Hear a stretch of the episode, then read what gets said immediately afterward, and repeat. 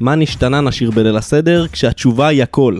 אם בימים שבשגרה ארוחת החג היא הזדמנות נהדרת למפגש משפחתי, הפעם נאלץ כולנו להתכנס מול מצלמת האינטרנט ולהעביר את החג באפליקציית זום. שלום, אני נעמי. הכנתי מדריך שמסביר איך להשתמש באפליקציית זום. הוא מתאים גם לסבא וסבתא, אז בואו נתחיל. זאת נעמי לויזון, בת 14 ממרכז הארץ, שהגדילה ראש והכינה מדריך לשימוש בזום, כדי שסבא וסבתא שלה, ושל כל בית ישראל, ילמדו איך להשתמש באפליקציה שהפכה לסוג של מוצר צריכה בסיסי בימי הקורונה. במשברים עמוקים תמיד יש המון המון מפסידים וגם קומץ של מרוויחים גדולים. אלה נחשפים בדרך כלל רק עם שוך הסערה, אבל אם יש מישהו שכבר מסתמן כאחד המרוויחים הגדולים של התקופה, הוא ללא ספק ארקיואן, המייסד של החברה שהפכה ללהיט של משבר הקורונה. אבל בזמן שיואן סופר את הכסף במדרגות, מתגלות באפליקציה בעיות אבטחה חמורות שצריכות להדאיג את כולנו. היי, אני רון טוביה ואתם על הצוללת מבית גלובס, הפודקאסט שצולל לעומק סיפורים חברתיים כלכליים שעל סדר היום. והפעם אנחנו צוללים לסיפורה של חברת זום, שבצל הקריסות בשווקים כתוצאה מהתפשטות נגיף הקורונה, היא אחת מכמה חברות ההייטק שדווקא נהנות מהמשבר. אפילו אזהרת שימוש של ה-FBI לא מונעת ממיליוני אנשים להשתמש באפליקציה, משיחות עבודה, שיעורים בבית הספר היסודי, חוג פילאטיס ועד לבילויים וחיפוש אהבה. למה היא מכל האפליקציות המספקות שיחות ועידה בווידאו, הפכה לחובה בכל בית ומשרד. והאם יכול להיות שיום אחד, כשהכל ייגמר, היא תשנה את דפוסי העבודה שלנו. מי שתצלול איתנו ביחד לזומינג פודקאסט היא כתבת הטק של גלובס, יסמין יבלונקו, שמדברת איתנו איך לא בזום. שומעים אותי? שומעים אותי פה בזום? שומעים אותך מעולה. חכי רגע, אני מחליף רגע לרקע עם ים. איך זה? יפה? טוב, יסמין, בואי נתחיל. את כתבת לא מעט על האפליקציה בגלובס בשבועות האחרונים. למרות ההתלהבות והנסיקה של האפליקציה, מתברר שהיא לא כזאת תמימה. מנכ"ל זום התבטא בסוף שבוע האחרון בהתבטאות מאוד יוצאת דופן, שבה הוא בעצם אמר, פישלנו, ואני מתנצל על כך, שזה דבר שקשה לשמוע מנכ"ל של חברת טכנולוגיה כלשהי אומר. והוא אמר את זה בעקבות הרבה הרבה פרסומים על בעיות פרטיות ואבטחה בפלטפורמה, שמתחלקות לכמה סוגים. הראשונה היא פרצות אבטחה שהתגלו, מלא אנשים שנרשמו לזום פתאום מצאו את עצמם מופיעים בספרי הקשר של אה, אלפי אנשים זרים. זה היה באג שכבר תוקן, אבל זה כן הפר את הפרטיות של האנשים האלה למשך uh, כמה ימים, וזה היה יכול לקרות לכל אחד מאיתנו.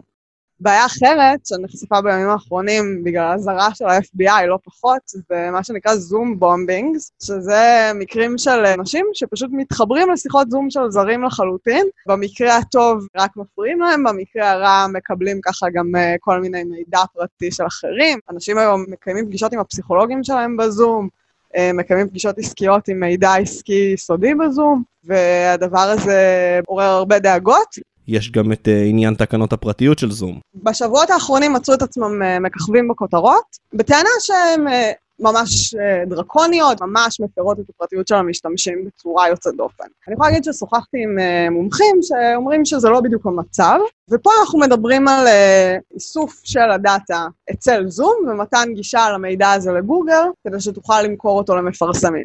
זה נשמע נורא, זה נשמע כאילו זום הפרה את האמון שלנו ומכרה את המידע לגוגל, וזה אכן המצב, אבל לצערנו זה מה שכל פלטפורמה שאתה משתמש בה באינטרנט עושה כיום, בין אם זה זום, בין אם זה וואטסאפ, בין אם זה יוטיוב, בין אם זה ספוטיפיי, בין אם זה נטפליקס, או כל אתר שאתה גולש בו. אולי זה לא צריך להיות המצב, אבל זה לא משהו שאפשר להגיד שהוא ייחודי כל כך לזום. הדבר האחרון הוא עניין של הגדרות בפלטפורמה. פה אנחנו מדברים על הנושא של הנוחות והקלילות לשימוש. זום בעצם בונה את עצמה על זה שהיא ממש עובדת בלחיצת כפתור, ולכן היא מגדירה כל מיני הגדרות ברירת מחדל שיהפכו אותה להיות הכי קלה, הכי נוחה והכי מיידית, לאו דווקא הכי בטוחה.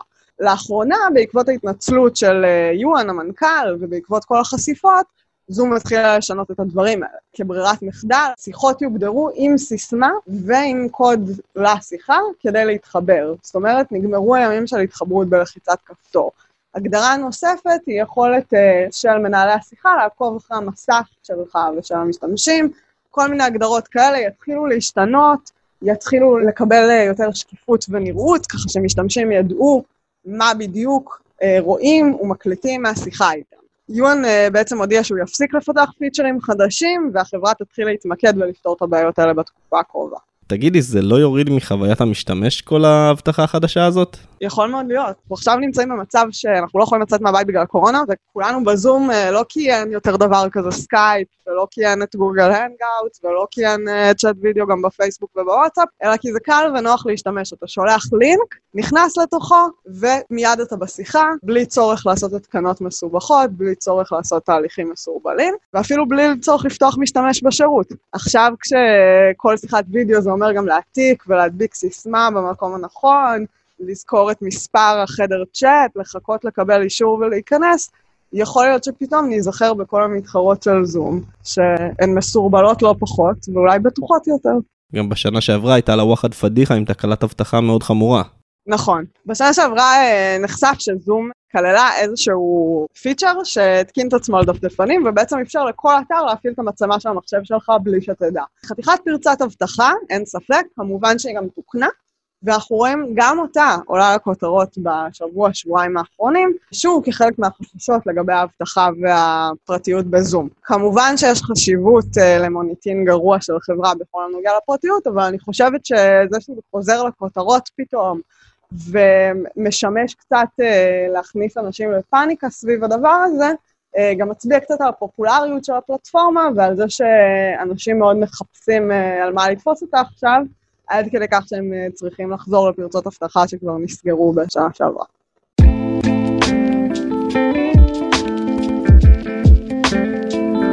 וזום, ובעיקר המנכ"ל שלה, יואן, מצליחה איפה שחברות אחרות נכשלו. במובנים רבים הסיפור של אריק יון הוא ממש סיפור סינדרלה. מדובר ביזם שהתחיל את דרכו אה, אצל מי שהפכו להיות המתחרות שלו, והייתה לו משימה אחת, הוא לא רצה להתקשר על האיכות. הוא הגיע מבייג'ין לעמק הסיליקון בשנות ה-90 המאוחרות, אחרי שהוא ביקש ויזה תשע פעמים. תשע. תשע, לא פחות. כמו חתול, כמו סינדרלה. בכל אופן, הוא הגיע לעמק הסיליקון והתחיל לעבוד אצל וובקס. אה, אז זה היה סטארט-אפ קטן, בערך 12 עובדים, ישבו ופיתחו פלטפורמה חדשנית לשיתוף פעולה מקצועי. שיחות ועידה, שיתוף פעולה על מסמכים, וב-2017 החברה נרכשה על ידי סיסקו. גם יואן התחיל לעבוד בסיסקו באותה תקופה, עד שהוא הפך לסגן נשיא להנדסה של החברה, ועד היום הוא יושב ב board שלה. ב-2011 הוא עזב אותה כדי לעשות בדיוק את מה שעשתה וובקס קודם. להקים חברה שתיתן שירות חדשני של שיחות וידאו לצרכים של שיתוף פעולה בעבודה מרחוק. ההבדל היה שוובקס עשתה את זה בשנות ה-90, והוא רצה להביא את זה לשנות ה-2000. לפתח פלטפורמה שמתאימה לטלפון, שנוחה לשימוש, ובעצם הקים את החברה עם השקעה של 3 מיליון דולר, שנתנה לו מומנטום, והצליחה להקפיץ בטירוף את השימוש באפליקציה. וכשהחברה הפכה לציבורית באפריל בשנה שעברה, היא גם עלתה בעוד 77% אה, במניות שלה מאז עד היום. אז תגידי, יסמין, מה סוד הקסם של זום? מה כל כך מיוחד באפליקציה? אנחנו נמצאים עכשיו בתקופה שבה uh, כל השירותים האלה של שיחות וידאו, בעיקר שירותים שפונים לקהל מקצועי, ראו צמיחה מטורפת של uh, מיליונים של uh, משתמשים ואלפי לקוחות משלמים. בתוך uh, מספר שבועות, אבל אין ספק שזום הייתה החברה שנהנתה מזה הכי הרבה, וזה קשור למשהו שהיא עשתה לאורך כל הדרך, בעצם הוכיח את עצמו פתאום עכשיו בקורונה, שזה בעצם הרעיון של uh, מודל פרימיום, חברה שפונה לקהל מקצועי, מתבססת על זה שאנשים משלמים לה מנוי כדי להשתמש בה ככלי לחברה שלהם כולה, אבל משווקת אותו לא דרך למכור את המנויים בתשלום, אלא לנסות לצרף משתמשים חינמים ולהפוך אותם להיות משתמשים משלמים. זאת אומרת, לא שהבוס שלך יקנה זום ויגיד, שלום, היום אנחנו משתמשים בזה, אלא שאתה תבוא לבוס שלך ותגיד, גיליתי שירות מגניב, קוראים לו זום, בוא נשתמש בזה. איך עובדת המערכת של האפליקציה? כלי שיחות הוידאו של זום, בגדול אה, הוא קל ונוח לשימוש, והוא כולל אה, כל מיני פיצ'רים יחסית מתקדמים, שאנחנו רואים את המתחרות שלנו מוסיפות אותם אה, אחת אחרי השנייה בתקופה האחרונה. הפיצ'רים האלה כוללים שיחות וידאו של עד 100 משתתפים, שזה תקרה מאוד מאוד גבוהה גם בשירות החינמי, וגם מי שמנהל את השיחה מקבל כל מיני כלי ניהול שאחרים לא מקבלים בדרך כלל, שזה היכולת לעקוב אחרי רמת הקשב של אנשים בשיחה, למשל. אם אני יושבת איתך בשיחה, אני יכולה לקבל התראה אם אתה לא מסתכל אל המצלמה, אל המחשב, או אם אתה פותח חלון אחר במחשב שלך על פני הזום. וואלה, תפתחי רגע. אה, אני לא אקבל את זה עכשיו, זה רק למשתמשים משלמים. אה, אוקיי. אבל אפשר להרים יד כדי לסמן שאתה רוצה לדבר. אה, זום מזהה אוטומטית מי מהמשתתפים מדבר עכשיו כדי אה, להעביר את המצלמה אליהם, אז ככה שבשיחות מרובות משתתפים, אפשר להתמקד בבן אדם שמדבר עכשיו ולא להיות בתוך כאוס של 20 אנשים שמבקשים את תשומת לבך במקביל. וכל הדברים האלה הופכים אותה לכלי מקצועי מאוד טוב, אבל גם לכלי מאוד טוב אה, מסתבר סתם לאנשים שרוצים לשמור על קשר עם אה, קבוצות גדולות של חברים, משפחות שרוצות לדבר יחד בתקופה הזאת, ובעצם אה, אנחנו רואים שהדבר הזה מתבטא גם בצמיחה של זום ביום-יום. דברי עלינו במספרים. בשנה שעברה היא צמחה ב-88% בהכנסות שלה, וגם עכשיו, אחרי המשבר, מניית נסדק התרסקה בתוך חודש ב-29%, ודווקא מניית זום עלתה ב-19% באותה תקופה. וזה פשוט מראה איך המשבר הזה מצד אחד ממש פגע בשווקים, ומצד שני זום הצליחה איכשהו להפוך את המגמה הזאת ולצאת מזה עם צמיחה במקום uh, התרסקות.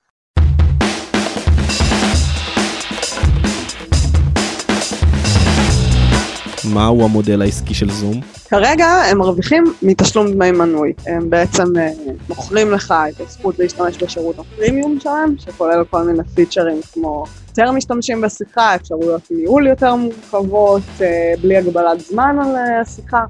וכולי וכולי, והם פונים לקהל מקצועי, לארגונים גדולים, ומשם הכסף. ואז מגיע משבר הקורונה, שמתלבש לחברה כמו וולל החיבורים בדקה ה-90. אז עם התפרצות משבר הקורונה, אנחנו רואים את יואן מתחיל להוביל שורה של מהלכים שאמורים לאפשר לזום להרוויח מעלייה בביקושים לשיחות וידאו שיש בכל העולם, עכשיו שכולם סגורים בבית. זה התרחבות גם לאזורים גיאוגרפיים חדשים וגם לסקטורים חדשים, שהוא התחיל לעשות על ידי אה, הסרה של הגבלות על חשבונות החינמיים, גם באזורים שבהם קורונה פגעה מאוד חזק, גם בתחומים חדשים. למשל, הוא התחיל אה, לספק את השירות פרימיום בחינם לבתי ספר בארצות הברית, באיטליה, ביפן, במדינות אחרות שנפגעו חזק מהמשבר, כדי בעצם uh, למשוך מוסדות חינוך ומורים להפוך למשתמשים שם, ובתקווה בהמשך גם ללקוחות.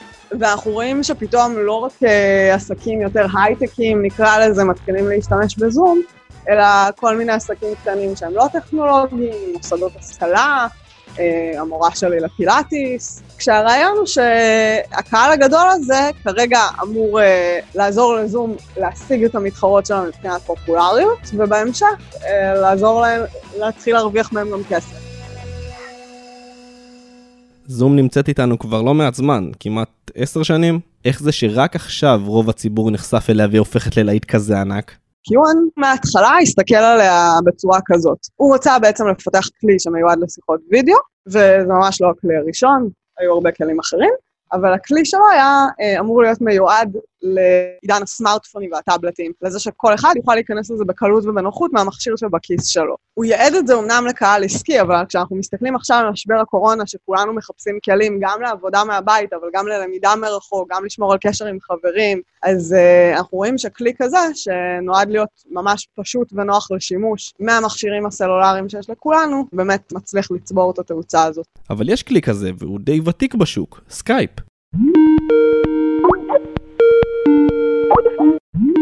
וסקייפ נמצאת בשוק הרבה יותר זמן מזום, והיא הרבה יותר מוכרת. איפה היא נעלמה? סקייפ ללא ספק מדשדשת מאחור, וכל מה שקשור להצליח אה, להרוויח מהמשבר הזה כמו שזום עשתה. היא ממש לא נעלמה, אבל אה, היא כן מגיבה מאוחר.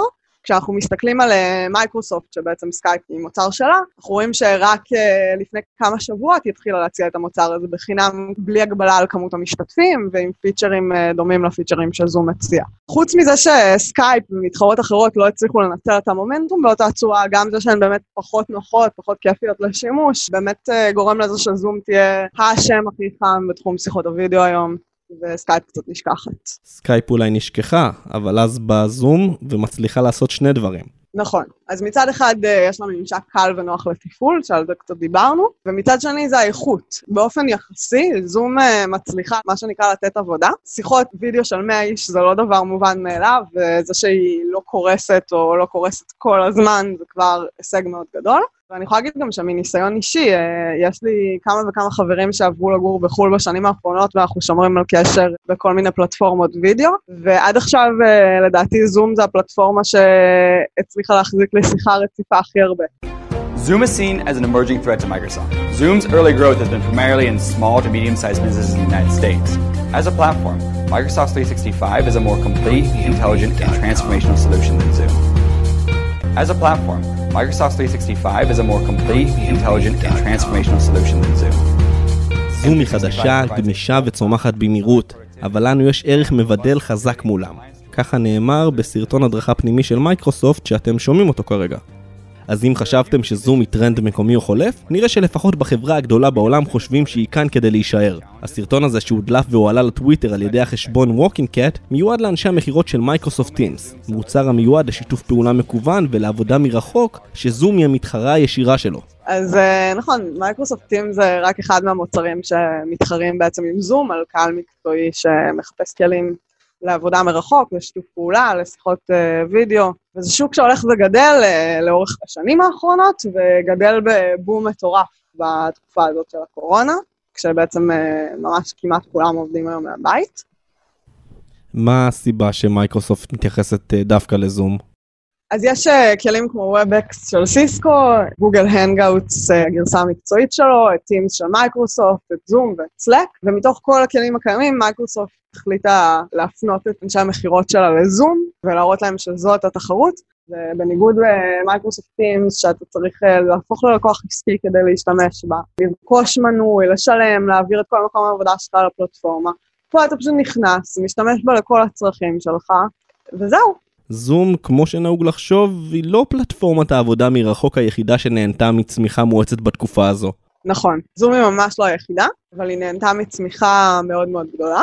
אבל אנחנו רואים שבמקביל גם סיסקו למשל עם WebEx דיברה על אה, עלייה של פי 22 בשימוש בפלטפורמה שלה, מאז התפרצות המגפה ועד נכון למרץ. מייקרוסופט Teams בעצמה זינקה ב-12 מיליון משתמשים בחודש שעבר והגיעה ל-44 מיליון משתמשים. גם Slack, שפונה רק ללקוחות ארגוניים, צירפה 7,000 לקוחות ארגוניים חדשים, שכל ארגון כזה יכול להעסיק מאות, אלפי עובדים, וזה בעצם uh, מספר גבוה מאוד, כי רק uh, ברבעון שלפני זה היא צירפה רק 5,000 לקוחות משלמים. כדי למשוך יותר משתמשים ולהיות אטרקטיביות ביחס למתחרות, החברות הללו מעדכנות את השירותים שלהן עם פיצ'רים חדשים ומתיחות פנים במעין מרוץ חימוש. נכון. גם Slack עדכנה בימים האחרונים את הממשק שלה כדי להפוך אותו לפשוט יותר ונוח יותר למשתמשים חדשים.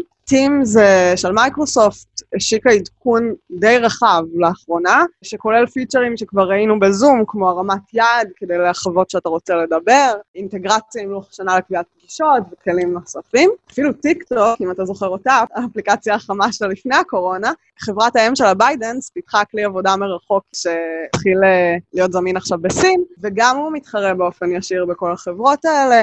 עם סט של כלים חדשים שכוללים גם אה, שיחות וידאו עם יותר משתתפים ופיצ'רים נוספים. וגם יש פה טרנד של פתיחת מנויים בחינם. נכון, רואים שזום עושה את זה באופן קבוע, אבל פתאום מצטרפות אליה גם אה, מייקרוסופט וגם גוגל, שפתאום אה, פונות לקהל ואומרות להם, בואו ותשתמשו בנו גם בלי לשלם, שזה די ייחודי במוצר מקצועי עבור החברות האלה. וגם Slack, שמציעה גרסה חינמית גם ביום-יום, התחילה להציע סמינרים ומפגשים מקוונים כדי לתת ערך מקצועי מוסף בחינם, שוב, כדי למשוך יותר ויותר קהל לפלטפורמה שלה, בלי לדרוש מהם תשלום. עכשיו, רגע, סיבת בית מספר 3, אם כרגע, בום, 244 משתתפים. 244 אנשים שבאים לרקוד ולשמוח איתנו היום. בואו, גם. כיף פה. כיף פה. בואו, כיף פה. מה שאתם שומעים זאת מסיבת בית. מסיבת הזום הגדולה שמארגן עידן תרם, בן 35 מתל אביב, ועצמאי שמתעסק בתחום הקהילות. 246 אנשים במסיבה שלנו. איזה שיגעון. עידן, שנאלץ לצאת לחל"ת, לא רצה לתת למשבר לשבור אותו, וכשהתחילו הגבלות התנועה ישב בדירתו בתל אביב ביחד עם זוגתו ועוד חברה נוספת, והם חשבו ביחד איך אפשר להפוך את הסגר הזה למשהו שאפשר לעשות ביחד. הם פתחו קהילה חדשה, מסי בית. קבוצת הפייסבוק של המיזם כבר עומדת על יותר משלושת אלפים עוקבים תוך שלושה שבועות בלבד, ושם תוכלו למצוא כל מסיבה שתרצו. ממסיבת להיטים, 90's, מסיבות אוריינטליות, אי-פופ ועוד ועוד ועוד. אבל איך זה עובד? בואו ניתן לעידן להסביר. חושב שאנחנו גם היינו, ה, לדעתי, הראשונים בעולם, שלקחנו את הפלטפורמה של זום as is, ועשינו לה מעין אימפלמנטציה לעולם אה, חיי הלילה. אנחנו לא עושים את ה-DJ שמנגן והשאר אה, רוקדים אה, בצורה פסיבית כמו ב Facebook Live, אלא ממש לוקחים את הפלטפורמה של זום שמאפשרת לאנשים לעבור בין משתתפים או אה, לעשות סקרים, אפילו אפשרות של לחלוק מסך או לחלוק מוזיקה, שזה למעשה הדרך שהדי-ג'ים שלנו מתחברים, שזה הכי אנכרוניסטי כזה, כי זום לא מתאים למעשה לניגון של די-ג'ים. אז לקחנו את הפלטפורמה הקיימת וניסינו לעשות לה איזושהי התאמה. ולצד כל הכיף הזה, עידן והחברים מנחים מעין תוכניות רדיו אינטראקטיביות עם מצלמות. ואנחנו עושים lineup של אה, חמישה-שישה די-ג'אים, מנסים לעשות הפעלות לחבר'ה, מלעבור בין המצלמות, בין 300 אנשים בזמן שהם רוקדים, דרך אה, להפעיל אותם ברמת ה kiss cam, מצלמה שמראה זוגות אה, שמתנשקים, כמו שבמשחקי ספורט בארצות הברית, הרעיון באמת זה לייצר אה, גם engagement וגם כיף ולגרום לאנשים אה, להיות ביחד, כי בסופו של דבר יש לנו פה את הקהל שבוי הכי מושלם שיש, זה אנשים שאוהבים לרקוד, אוהבים אה, להרים והם נמצאים בבית, בסלון, ואנחנו מספקים להם את האסקפיזם הזה ואת המקום לרקוד, ממש מנסים לייצר איזושהי חוויה שהיא אינטראקטיבית ושאנשים הם חלק מהתוכן בעצמם. המסיבית עובדת על חשבון עסקי של זום, כדי שיוכלו להזמין כמה שיותר אנשים ולהישאר במסיבה ללא הגבלת זמן. עידן והחברים שולחים לינק עם כל הפרטים בקבוצת הפייסבוק, וכל מי שרוצה מצטרף לשיחת הוועידה, שהיא בעצם מסיבה אחת גדולה. כל משתתף רואה מסך עם המון חלונות קטנים, כשהדי-ג'יי מנגן, מנהלי אירוע מחפשים בין המסכים את מי שרוקד בצורה הכי מעניינת, ומעלים אותו כספוט שכל המשתתפים יראו, ואפילו הוא יכול לזכות בפרס שווה, עוגיות שעידן וזוגתו אפו בעצמם. המיזם שמצריך הפקה לא פשוטה וגוזל המון זמן עבודה, נמצא עדיין בראשית דרכו. האם הוא יכול להפוך לעסק רווחי בעתיד, או לפחות בתקופת הקורונה? זה לא משהו שהוא התחיל לנו. אנחנו לא שואלים כאילו ללכת על מקום של איזשהו אה, ספונסר שיפ או איזשהו משהו נחמד שיעזור לנו, אתה יודע, להרים לאנשים. בסופו של דבר המטרה שלנו, אנחנו עושים את זה בשביל אה, לעשות אה, שמח לאנשים. אם בעתיד נצליח לעשות מוניטיזציה לקהילה הזאת, הלוואי, אבל אה, כרגע זה באמת בשביל כיף. ובעיות האבטחה בזום כאמור לא מטרידות את עידן יותר מדי. הוא חושב שהמסיבה היא המסיבה הבטוחה בעולם. אם אנחנו קוראים לעצמנו מסיבה, ואני ממש מגדיר את עצמנו כמסיבה ואת הפלטפורמה הזאת כסוג של מועדון, אני חושב שאנחנו המועדון הכי בטוח שיש. כי אתה יושב בסלון הבית שלך, אתה מן הסתם יותר בטוח מאשר אה, להיות אה, בחוץ.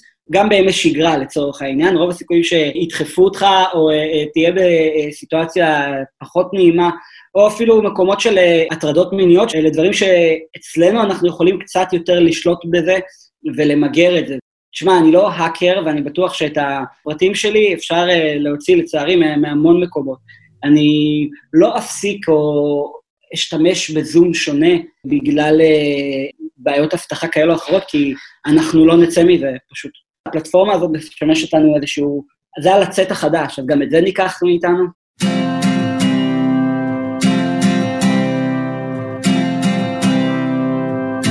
ואם יצאתם במרכאות למסיבת זום וירטואלית ולא פגשתם בחור או בחורה להעביר איתם את הבידוד, אל חשש, אפשר למצוא בזום גם אהבה.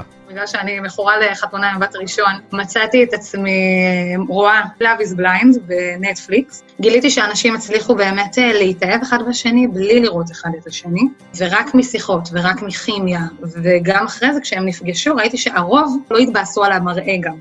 זאת קרן אור לויקה זום, בת 27 מירושלים. את זום היא הכירה כבר לפני שנה, כשלקחה חלק בפרויקט חברתי ארצי בזמן שלמדה באוניברסיטה. ברגע שפרץ משבר הקורונה, היא החליטה שהיא רוצה למקסם את התקופה ולתרום לחברה. ביחד עם חברתה סתיו ביטון, פתחה מיזם היכרויות שנקרא זומינג פור לאב. ישר עלה לי בראש איזה חבר'ה שבתקופה הזאת גם חווים איזשהו קושי, כל החבר'ה שלי, שאני מכירה שגרים לבד ומבודדים באמת מהמשפחה, או שעכשיו בהסגר ולא יכולים לצאת לבקר, וחווים את כל הלחץ הזה והטלטול של המציאות לבד עם עצמם כל ערב.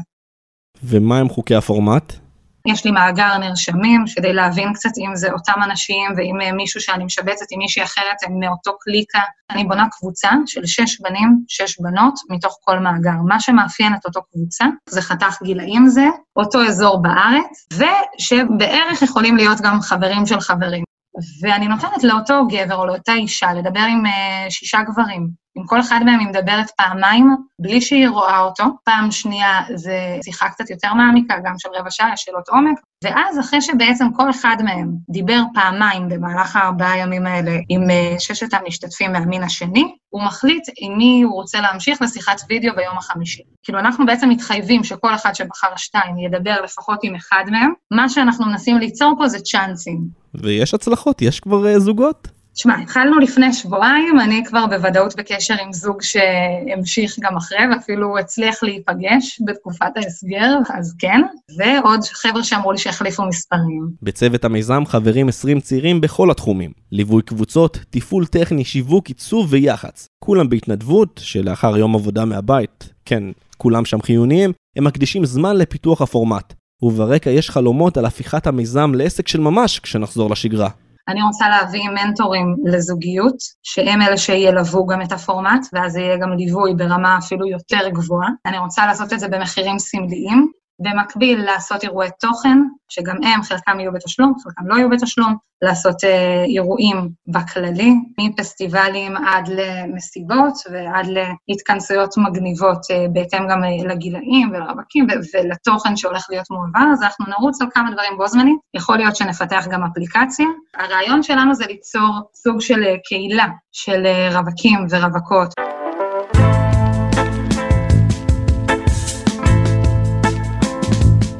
וכשזום הופכת לאפליקציה חברתית שמפגישה בין מאות ואלפי אנשים בו זמנית, אי אפשר שלא להיזכר בתהליכים שעברה פייסבוק, שהתחילה כאתר מפגש לסטודנטים באוניברסיטת הרווארד, ועד שהפכה לאחת החברות המצליחות ביותר בעולם. השאלה הגדולה היא האם זום תצליח להמיר את הפופולריות החדשה שלה למשתמשים משלמים, ותצליח להתברג בטופ של עולם ההייטק גם אחרי משבר הקורונה. עם כל הבעיות פרטיות והמוניטין הגרוע שזום הצליחה ליצור לעצמה בתוך uh, שבועיים ופחות, אני חושבת שאם היא לא תצליח לפתור את הבעיות האלה ולרכוש מחדש את האמון של המשתמשים, כנראה שלא. יכול להיות שנמשיך להשתמש בה בתקופת הקורונה, כי אנחנו באמת צריכים פלטפורמה נוחה בשביל לשמור באמצעותה על קשר עם אנשים, אבל uh, ברגע שזה יעבור, אין סיבה שנחליט שאנחנו רוצים לתת לה גם את uh, פרטי האשראי שלנו, אם היא לא יכולה לשמור אפילו על המייל. מצד שני, בדוחות שלה לרבעון האחרון של שנה שעברה, זום נתנה מצגת למשקיעים, ונראה שהבכירים בחברה דווקא בטוחים בעצמם וביכולת שלהם לצבור משתמשים משלמים. סמנכ"ל הכספים של החברה אמר, וירוס בכלל לא השפיע על התוצאות הכספיות שלה, אבל הביא עלייה מטורפת בכמות המשתמשים, ומנכ"ל החברה, אריק יואן, דיבר על כך שהוא רואה איך המשתמשים האלה יוכלו להפוך גם ללקוחות משלמים. יכול להיות שעכשיו כשיש הרבה משתמשים פרטיים, כמוני, כמוך,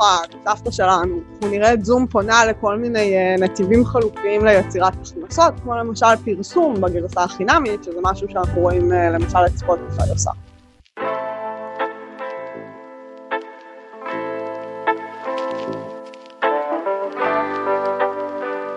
אז זום תשנה את ההרגלים שלנו אחרי שיגמר כל משבר הקורונה ונצטרך לחזור לעבוד במשרד? אני חושבת שהרבה חברות, אה, הרבה מקומות עבודה וגם הרבה מוסדות לימודים בעצם אה, גילו, והרבה מזה בזכות זום, את בעצם הקלות היחסית שבעזרתה אפשר לעשות שינוי דיגיטלי. הרבה מקומות שלא היה להם את האפשרות לעבוד מרחוק, הצליחו להפוך למקומות שמתנהלים כמעט רק על בסיס עבודה מרחוק בתקופה הזו. והרבה מקומות שלא היה להם תשתית ללימוד מרחוק, התחילו ללמד מרחוק בתקופה הזאת, והדבר הזה לא ילך לאיבוד. הידע הזה יישאר והתשתיות האלה יישארו. האם נצטרך להשתמש בהם באותה תדירות? כנראה שלא. האם נרצה להשתמש בהם באותה תדירות? אני באופן אישי לא, אני מתגעגעת ללצאת מהבית, אבל יכול להיות שיש מקרים שבהם הנוחות של אה, להישאר בטרנינג בזמן שאתה מדבר עם הבוס שלך, בלי להצטרך לנסוע כל הדרך למשרד, באמת תנצח, ואנחנו נראה את הכלים האלה הופכים לחלק גדול יותר מהחיים שלנו. אגב, זה תהליך שהתחיל אה, הרבה לפני הקורונה, אנחנו באמת בתהליך של אה, שינויים דיגיטליים במקומות עבודה ובתי ספר לאורך אה, שנים. אמנם שינויים איטיים, דיגיטציה מאוד מאוד איטית, מסורבלת, שהקורונה בעצם נתנה לה סוג של כאפה וזירזה את כל התהליך הזה. בסוף זום היא אפליקציה פשוטה של וידאו שהצליחה לגייס המון כסף בזמן הנכון, במקום הנכון, וכנראה שאם לא היינו היום עם זום, היינו עכשיו עם כל אפליקציה אחרת. תודה רבה, יסמין יבלונקו. נמשיך לעקוב אחרי הכתבות שלך באתר גלובס. תודה רון, שנהיה בריאים.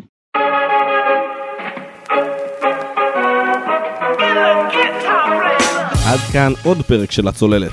מוזמנות ומוזמנים לעקוב אחרינו באתר גלובס ובאפליקציית הפודקאסטים האהובה עליכם, ואם אהבתם את הפרק סמנו subscribe או follow ונשמח אם תדרגו אותנו גבוה ב Apple Podcast ותפרגנו לנו עם תגובה. בימים טרופים אלו אנחנו משתדלים לדאוג לכם לקצת נחת עם פרקים חדשים שאנחנו מקליטים מהבית וגם מקווים שלא שמתם לב, ובכדי להעביר את הזמן בבידוד אתם מוזמנים להצטרף לקבוצת הפייסבוק שלנו מבודדים ביחד ולספר איך עובר עליכם כל הטירוף הזה. ואם אתם מבולבלים מכל מבול החדשות ורוצים לקבל עדכון מסודר על כל מה שקורה, הצטרפו לניוזלטר של גלובס. חפשו בגוגל גלובס ניוזלטר ותקבלו לינק להרשמה. תודה ליסמין יבלונקו שזוכה בתואר מלכת הזום בזכות התחקיר הנהדר שעשתה. תוכלו לקרוא כתבות נוספות שלה באתר גלובס. תודה גם לכל צוות הצוללת. אני רון טוביה, שיהיה לכולם חג שמח ובריא.